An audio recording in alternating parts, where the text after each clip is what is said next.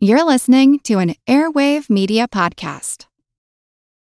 For the ones who work hard to ensure their crew can always go the extra mile, and the ones who get in early so everyone can go home on time, there's Grainger, offering professional grade supplies backed by product experts so you can quickly and easily find what you need.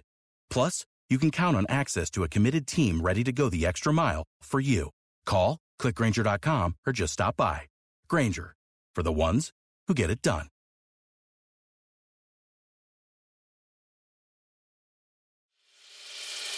As a longtime foreign correspondent, I've worked in lots of places, but nowhere as important to the world as China. I'm Jane Perlez, former Beijing bureau chief for the New York Times. Join me on my new podcast, Face Off US versus China, where I'll take you behind the scenes in the tumultuous US China relationship. Find Face Off wherever you get your podcasts. This is Kick Ass News. I'm Ben Mathis.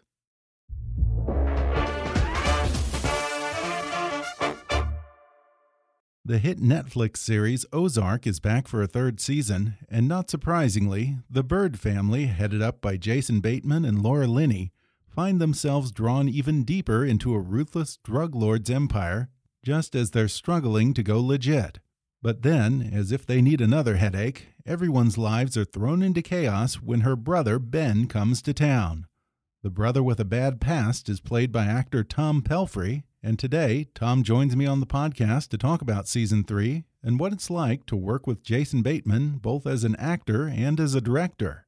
He also discusses his upcoming role as legendary Hollywood director Joseph Mankiewicz in David Fincher's film Mank he recalls his early days working on the soap operas As the World Turns and Guiding Light, what it's like keeping up with the grueling production schedule of daytime television, and how it requires an actor to memorize fast and think on their feet.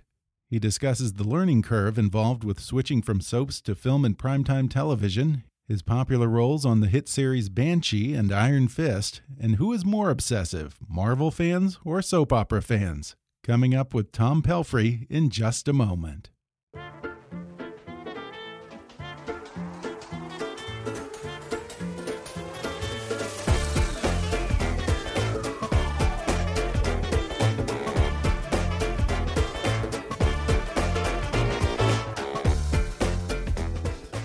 Folks, you know actor Tom Pelphrey from Netflix Iron Fist as well as Cinemax's wildly popular Banshee. Now he's joined the cast of the hit Netflix series Ozark in the third season. Tom, welcome to the show.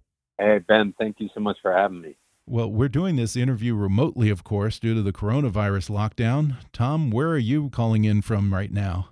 I am currently calling you from the Catskill Mountains, somewhere somewhere in the Catskills. Oh, nice, nice. Catskills. Yeah. That was like the big place back in the day for like Jewish vacationers from New York and everything. What did Grossingers and all those places.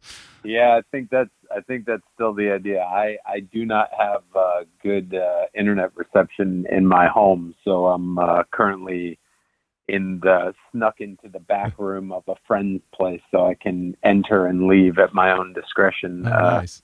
so practicing social distancing and using someone else's Wi-Fi simultaneously. now, are you usually based in Manhattan? Uh, yeah, yeah. I'm always I'm always in New York. Um, yeah, I have uh, I have a apartment in Brooklyn, and uh, just upstate right now to try and help with uh, you know, I guess keeping the numbers as low as possible yeah. in New York City. Yeah, good man. My brother and his wife and kid are in Manhattan, and God, it sounds like New Yorkers are pretty scared right now.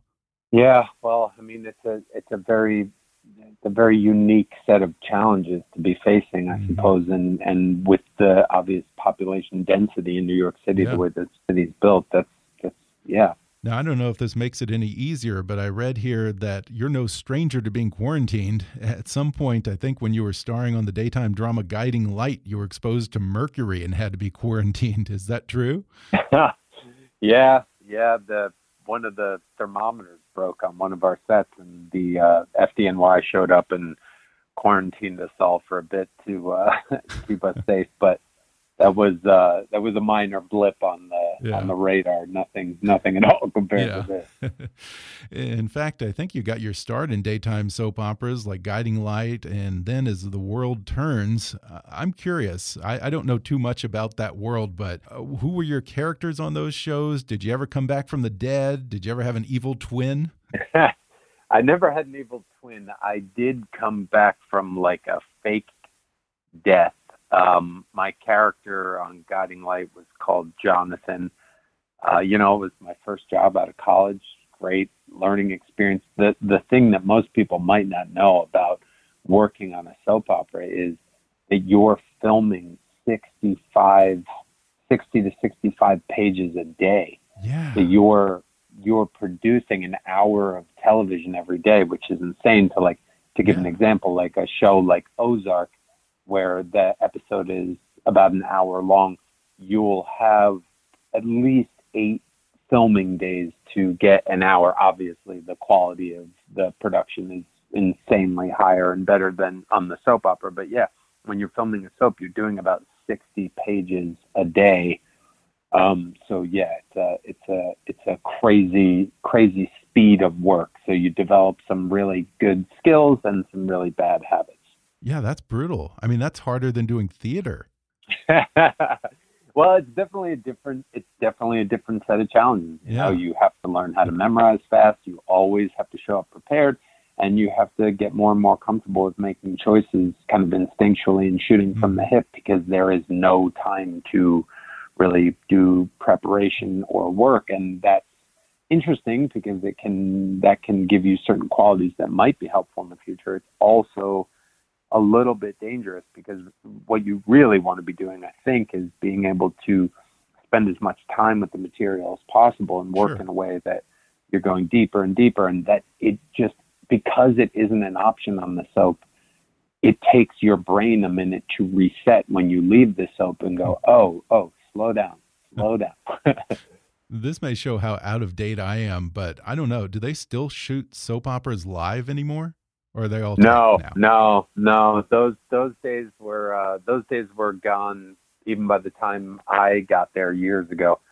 um, but man, talk about pressure. I mean, Yeah. God, I can't even imagine. Well, I wonder, was it hard for you to cross over from soap operas into primetime TV and movies? Uh, did you find that a lot of casting directors wanted to sort of pigeonhole you at first? Yeah, yeah, at first. And uh, I totally understand that. I, I don't think it's done with any malice. I think that, you know, it just takes a minute to uh, sort of develop a new idea about Mhm. somebody. And so, yeah, it, it took a minute, but also it took a minute for me because, like I said, Really? I learned a lot of good things and had a great time on the soap, but I had to adjust the way I was working um, to broaden my own horizons. So yeah, I think that was like a natural process of uh, me learning and also people giving me space to grow. Interesting. What what kind of Mm. I guess habits did you have to break or new habits that you had to form when you transitioned? Well, again, the main thing was just slowing myself down. Mm, because yeah. I'd gotten so good at working fast. Like, for instance, when I first came on the soap, I think my first day of work, I had to film maybe like 10 pages or something. And I probably spent two weeks learning those lines and was was a little bit nervous the day I was there to film that I might not remember them. Juxtapose that with, you know, I was on the soap for two and a half years. So after two years of being there, they started doing these episodes where the entire character would be in every scene in the whole episode. And so you would have like 60 pages of dialogue. And because they knew how quick I could do those things, they, as a kind of challenge, filmed my entire episode in one day. And I was fine. Wow. So, yeah, it's just a muscle. It's just Yeah. a muscle in your brain. And I worked it to the point of it being very strong. But then the problem is when you have the luxury of really spending time with material to work in a deeper way, to let things sit, to not rushing towards a result, Mhm. which is what you have to do on the soap. That was the biggest adjustment for me. It's like just slow down, just calm down. There doesn't need to be a result here. This is a process, you know. Yeah, now I saw that you also did a movie with another former guest of the show that I just love, uh, Dick Cavett. I adore that guy. Oh, isn't he the loveliest what a- guy in so a- many stories? he sure is. He sure is. What a what a. I mean, what a gentleman. You know Mhm. what? What the the right use of that word. What a what a class act. He was such a, a kind and dignified, and uh, his eyes just sparkled. You know, he's Yeah. he's a, a beautiful human being. It was uh, an honor to get to meet him and that whole group. Actually, that was pr- some pretty special guys. Oh yeah, you had what uh, Jerry Stiller and some other. Gary Stiller and. Christopher Lloyd. Yeah. Um, yeah, Jerry Stiller. I, I I remember the first read through. We were sitting there at the table, and there was like a spread of things, and we got done reading, and Jerry started preparing a plate of food, and they said, "What are you doing?" And he said, "I've got to bring some food home to my wife, or she'll kill me." I love it. I mean, that's straight out Um, of Seinfeld right there. yeah, yeah. No, they they it was that was a really cool job. That was um you know, one of those times where you just keep your mouth shut and your ears open and try and learn as much as possible. Yeah. And I also know that you starred in a Broadway production about another Hollywood legend, End of the Rainbow, which was later turned into the film Judy starring Renee Zellweger. Yeah, You played Mickey Deans, Judy Garland's last husband. I did. Now, he's kind of been portrayed as a bit of a douchebag, right? total douchebag. Yeah. you know, a lot of people say that he might have enabled her addiction or at the very least didn't do much to stop her self destruction. What do you think? Was he just a hanger on? Do you think that he actually cared for her? Was there more to him in that whole relationship?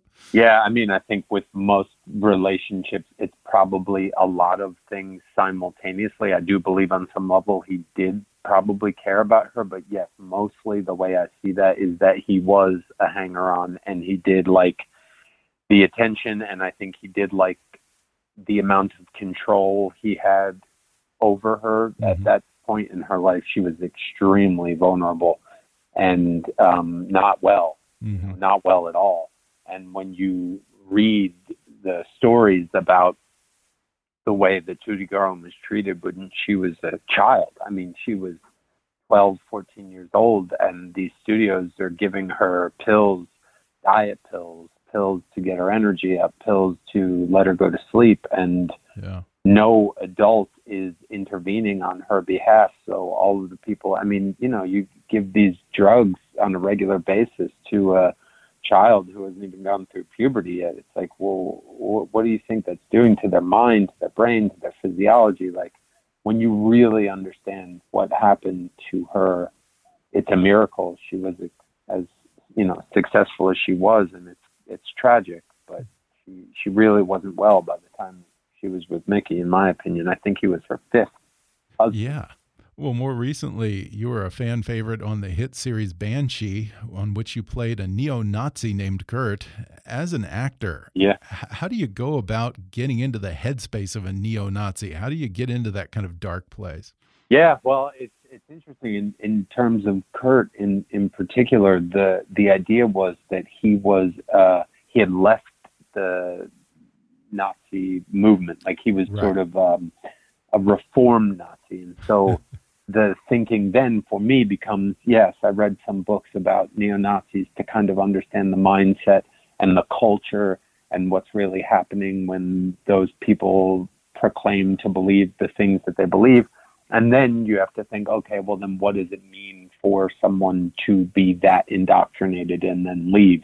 So, like, kind of focus a little bit more on like what must have happened hmm to change someone's mind about the way they're living their life. Because it doesn't matter whatever it is you're doing i think we all know as human beings that we sort of resist change. So for someone to make that big of a change it's like that must be a central part of who that person is if they can be so extreme as to believe in such a disgusting ideology and then so extreme in the other way that they Yeah. then want to become a police officer. Obviously, the the world of Banshee is kind of like a fantastical world, like a graphic novel, hmm not quite based it like a heightened reality world, which Yeah. is fun. But still, you're like, wow, that guy that guy has extreme polarity.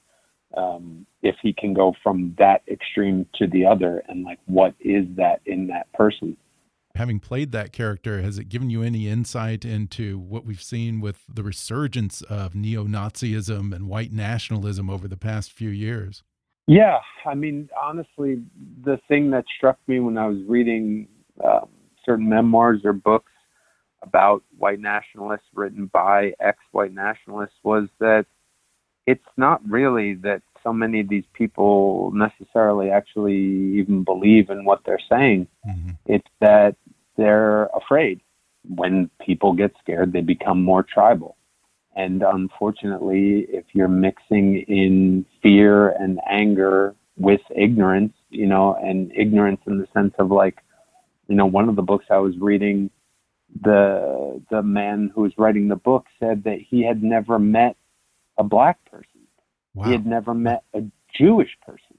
Wow. you know, America. and so That's amazing. Well, yeah, but this is the thing with sometimes it's literally just not understanding that what mm-hmm. you're talking about is a human being who has infinitely more in common with you than than they have different from you and um, it's really powerful actually recently i was listening to an interview with a with a uh, forget the guy's name. He's a black jazz musician. He was being interviewed on Joe Rogan, and over the past like 20 years or so, he has converted like 200 different members of the Klan to leave the Klan. And the amount of times he said that he would sit down and cultivate a friendship with these people who, in theory, hated him. But the amount of times he said that they told him that that was the first conversation that they were ever having with a black person I mean, just goes to show you the level of which so much of this hate is just ignorance. It's just mm-hmm. misguided feeling. It's just lack of experience, you know, and so it's it's it's scary and it's sad, but I believe that it is ultimately far outweighed by people who share and understand and are seeking to understand and reach out you know, it's just a very, it's a very frightened, a very scared, a very fearful mindset. Yeah. And, uh, yeah. I mean, hate begins with dehumanizing another person. And, you know, it's harder and harder to do that if you actually have a one on one experience with another human being. We're going to take a quick break, and then I'll be back with more when we come back in just a minute.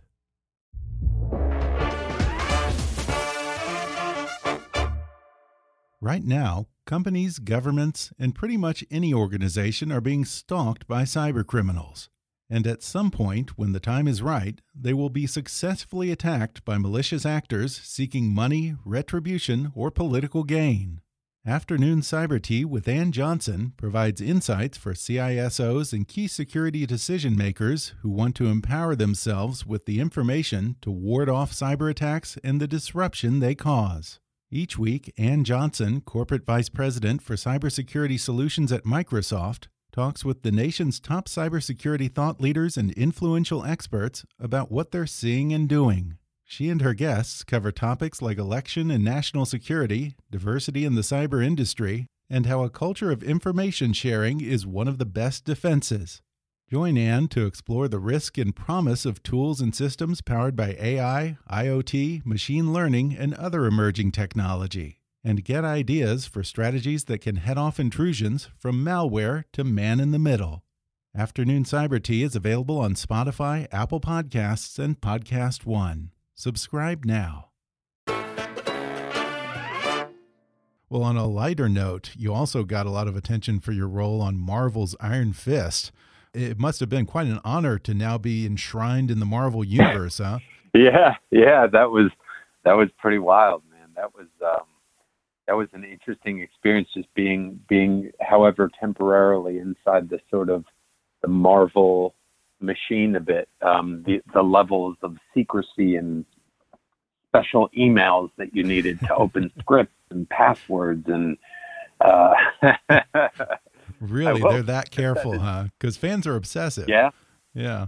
Yeah. Well, that's that's what they pointed out because they have such a enthusiastic fan base. They felt that they needed to take certain precautions, which at times felt a bit extreme. But mm. then again, what do I know? You know, so.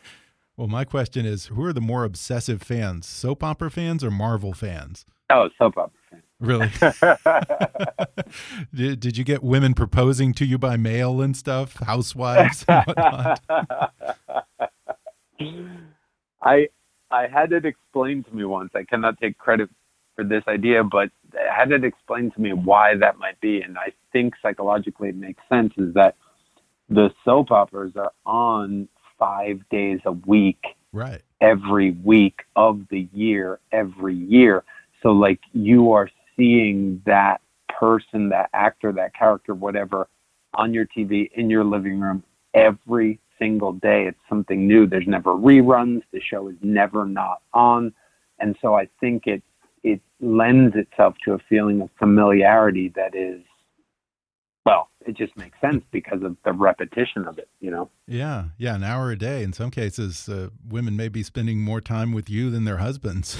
I don't know. Let's hope. Let's hope. well, I mentioned at the top that you're the new series regular in season three of Netflix hit drama Ozark. What has that been like? Well, that that job is just a dream job. Um, I told Jason and Chris Mundy before I left that they'd ruined me for life. but uh, you know, I I'd watched season one and season two. I was a big fan of the show before I knew I would have anything to do with it.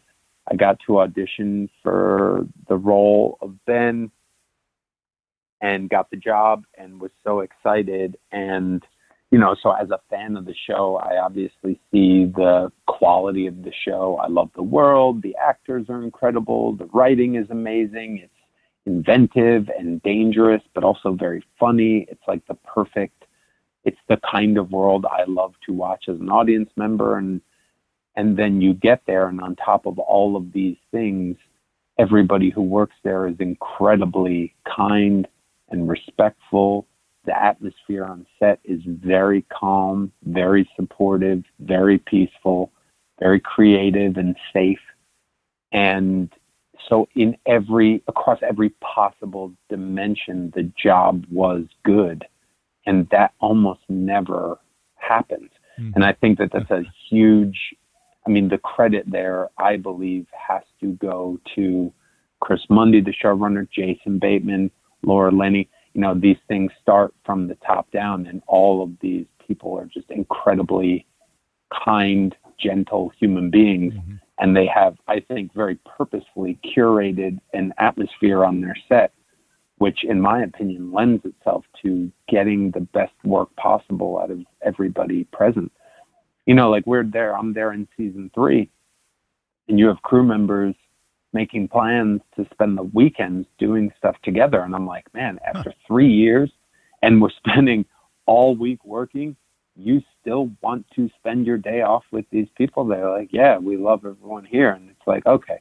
So th- this, this entire set, this entire crew, this entire atmosphere has been carefully curated on mm-hmm. purpose and because of the way that everyone is treated everyone feels loved and safe and respected and it just brings out the best in everyone it was just truly a pleasure to be there yeah um, yeah, and I have to think that a lot of the credit goes to Jason Bateman. This has kind of been his baby because he stars in it, he produces it, and I think he's now directed something like eight episodes. What's he like to work with as a director?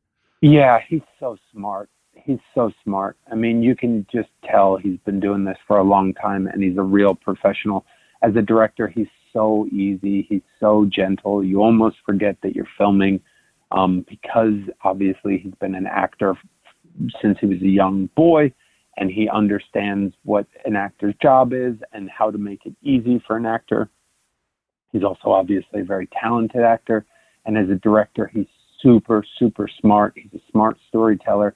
So when you're working with him, it's like the best of all possible worlds. You have a director who's incredibly intelligent about storytelling. Simultaneously, he's a really talented actor who appreciates actors and the craft and understands how to talk to you in a way that sometimes, you know, not all directors understand the best way to talk to an actor, but Jason can do both. And so, yeah, working with him is pretty special. It's also it's also pretty wild. You know, you you you be in a scene with him, and a few other people, and in which he's also directing. And to see him sort of give everyone notes, give the camera notes, keep an eye on the camera movements, adjust himself as the actor in the scene, and then in between takes, he's joking and playing around. It's like eh, one of the most incredible levels of the ability to like soft focus I've ever seen. Like he was keeping so many things in his attention simultaneously, and I never once saw him get ruffled. Like he never, I mean, forget raising his voice. Like he never, it seemed like his pulse never rose above really like a calm resting. Yeah, it was so impressive. I, I mean, and the amount of work you do and you know to be a director on a show like that the amount of preparation that you have to do oh yeah um, it was really impressive not only that he could do all that so well but that while he was doing all of those things well he was so calm and friendly it was kind of a very singular experience. yeah, yeah. He comes off as a really, really nice guy, and I don't know if that's a lot of the characters that he's played over the years or what. But you know, the general public's impression is that he's somewhere between you know Tom Hanks and Jimmy Stewart in terms of likability and niceness. Yeah, he is, and I think that's that's about right. I mean, the the thing I say to people that ask, "What's it like to work with Jason Bateman?" I'm like he is exactly the thing you would hope he would be. you know, he is that guy, and he's incredibly kind, and he's also very, very, very funny. you know, so yes, he's a he's a good man, and it shows. You know mm-hmm. that that to walk into an atmosphere where the entire crew is feeling that way and working that way. I mean, it really is rare, and it is a reflection, I think, of Jason and Laura and Chris. You know. Uh, yeah, and you play Laura Linney's brother in Ozark. Um, by the way, I want to say that uh, you know, for a New Yorker, you do a hell of a job of playing a shit-kicking redneck on that show. Tell us a little about your character. Oh, thank you. Yeah, when I even auditioned for the role, I just thought if you'd left me to my own devices to write something that I wanted to do, I couldn't have come up with a a more perfect or exciting thing to do than the role of Ben. Yeah, and I also just love that your character gets introduced in the series in a scene where he throws a bunch of teenagers' smartphones into a wood chipper. I mean, what parent probably hasn't wanted to do that at some point?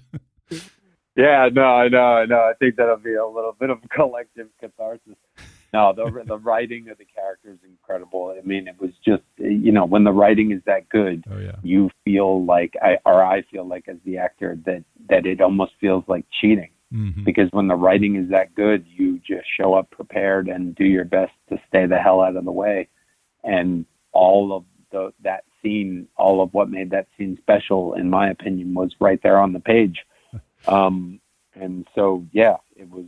It's just, again, as I said, across every possible dimension. It was a really great job. Well, I've watched the first few episodes. I wonder, can we expect that your character is going to get caught up in the family business? Well, I definitely think it's impossible to be around uh, the Byrdes and not get pulled in somehow. yeah, it's like uh, Al Pacino in Godfather 3. Once I think I'm out, uh -huh. they pull me back in. Yeah, yeah. Well, I'm also really excited for your next project. I understand that you'll also be appearing in David Fincher's upcoming movie Mank, which is about Citizen Kane screenwriter Herman Mankiewicz. You play his brother, Joseph Mankiewicz, who was no slouch himself. I, I think he he was a double Oscar winner, wasn't he? Yeah, well, he won he won twice as writer, twice as director. Yeah, yeah he was a very, very, very successful uh, writer and director in Hollywood, and actually as far as like the general public would go, Joe's sort of fame and success certainly eclipsed that of Herman. Mm-hmm. Um, but yeah, that I mean, talk about another dream job. The, last year was a very exciting year, going from Ozark and working with Jason and Laura and those guys, and then getting to go be on a set, David Fincher's set, who is yeah. a genius, and uh, getting to work with Gary Oldman, which is a childhood hero of mine. So yeah, he pretty, plays Herman Mankiewicz, awesome. right? He sure does. He sure does, and he is incredible. I think uh, think everybody's going to be pretty yeah. happy to watch that movie. Yeah, and I think you're right when you say that Joseph Mankiewicz sort of eclipsed Herman because Herman Mankiewicz had Citizen Kane, and I think he was actually an uncredited writer on a bunch of films like Wizard of Oz and the early Marx Brothers movies. But Joe, he was really one of the favorite directors of Hollywood's golden age and far more prolific in terms of uh, what did he have? All About Eve, A Letter to Three Wives, Philadelphia Story, mm -hmm. Cleopatra, a whole slew of hit movies. Yeah, and that's and part of that is is I won't say too much, but I think part of what David's movie is about uh, is is exploring perhaps some of the reasons why, you know. Interesting. I, I wonder, do you think that the Mankiewicz brothers got along well, or was there some kind of a little bit of a rivalry between the two of them? Uh, I don't know. I mean, some of the things that I'd read, some of the there's a there's a great book out that um, kind of talks about both brothers, and it was really informative and perfect kind of research material. But I, I think, like most brothers, that they really loved each other, and I'm sure that there was also like most brothers an element of uh, competition. Yeah yeah now that i think about it he did have at least one stinker. I remember uh, wasn't it joseph mankiewicz who did the movie version of guys and dolls where he had marlon brando who can't sing and can't dance? And he was singing luck be a lady tonight. Yeah yeah when you when you watch that movie you, you can't help but kind of thinking that maybe they should have switched roles, or right. they should have let Frank Sinatra sing those songs. Yeah, yeah. I mean, why on earth, you know, would you put him alongside Frank Sinatra? Because that even makes Brando look even worse. Poor guy. Yeah, which which almost yeah. which almost never happens. But yeah, yeah. Uh, yeah, I think I think anybody trying to sing next to Frank Sinatra is going to end up on the short end of the stick. Now, when you play a real person like Joseph Mankiewicz, do you do a lot of research into the real man, or do you like to come to a part with fresh eyes? Yeah, I think with any with anything you do, you want to do as much research as possible, but then you always just keep in mind that the the most important part, in my opinion, of any project is the script. You know, like that's that's the that's the bones of what you're doing. Like that's the foundation and the mm-hmm. baseline of what you're doing, so that you want to, I think, do whatever research or preparation that you can do in order to fully understand everything that's happening in the script. But ultimately, I think the work wants to be in service of the script. You know, so sure. sometimes you can research a person and they can be infinitely complex and all of these things happening, but I don't think you ever want to try and force anything onto something just because you've researched it, but rather have the research and see where it helps you serve you know serve the storytelling sure. because obviously it's usually it's never going to contain all the things that you find out in your in your research yeah and, what was it like working with David Fincher? Because I, I don't know if this is just by the, his film choices, but I get this impression that he's kind of a kooky, maybe even a kind of a dark guy. But again, that may just be from the kind of movies he makes. I don't know. Oh yeah, no, no, he's a he's a wonderful sense of humor. Really? He's a he's a super intelligent person, and he has a great sense of humor, in my opinion. And I loved it. I adored him. Um, it was obviously kind of uh, almost surreal to be getting to work with somebody like that, who's a real master yeah. at what they do. And so, yeah, that was that was a pretty special experience. But no, he he's actually wonderfully intelligent and bright and smart and you can tell he really loves what he does. Yeah.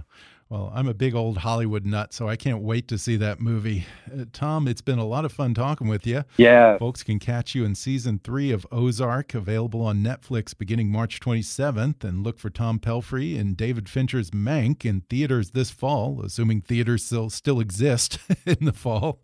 Right. Tom, thanks for talking with me. Appreciate it. Hey, thank you so much for having me on. I really appreciate it. Thank you. Thanks again to Tom Pelphrey for coming on the show. You can see Tom in the new season of Ozark, streaming now on Netflix. Again, look for him in Mank coming out this fall, and follow Tom on Twitter at, at Tom Pelphrey. Times are tight right now, so what would you do if your computer broke and wasn't covered by warranty, or you suddenly needed electrical work on your house?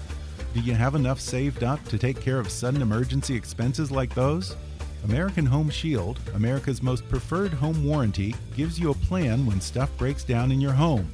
Stuff insurance doesn't cover, and stuff you don't want to mess with or go broke trying to get fixed. Go to ahs.com slash kick today to save $50 and start protecting your home and budget from inevitable breakdowns. That's ahs.com slash kick for $50 off any plan. American Home Shield. Be sure with Shield. Limitations and exclusions apply. See plan for details. If you enjoyed today's podcast, be sure to subscribe to us on Apple Podcasts and rate and review us while you're there. Five star ratings and detailed reviews are one of the best ways for new listeners to discover the show. You can also follow us on Facebook or on Twitter at, at KickassNewsPod and recommend us to your friends on your social media. For more fun stuff, visit kickassnews.com and I welcome your comments, questions, and suggestions at comments at kickassnews.com. For now, I'm Ben Mathis, and thanks for listening to Kickass News.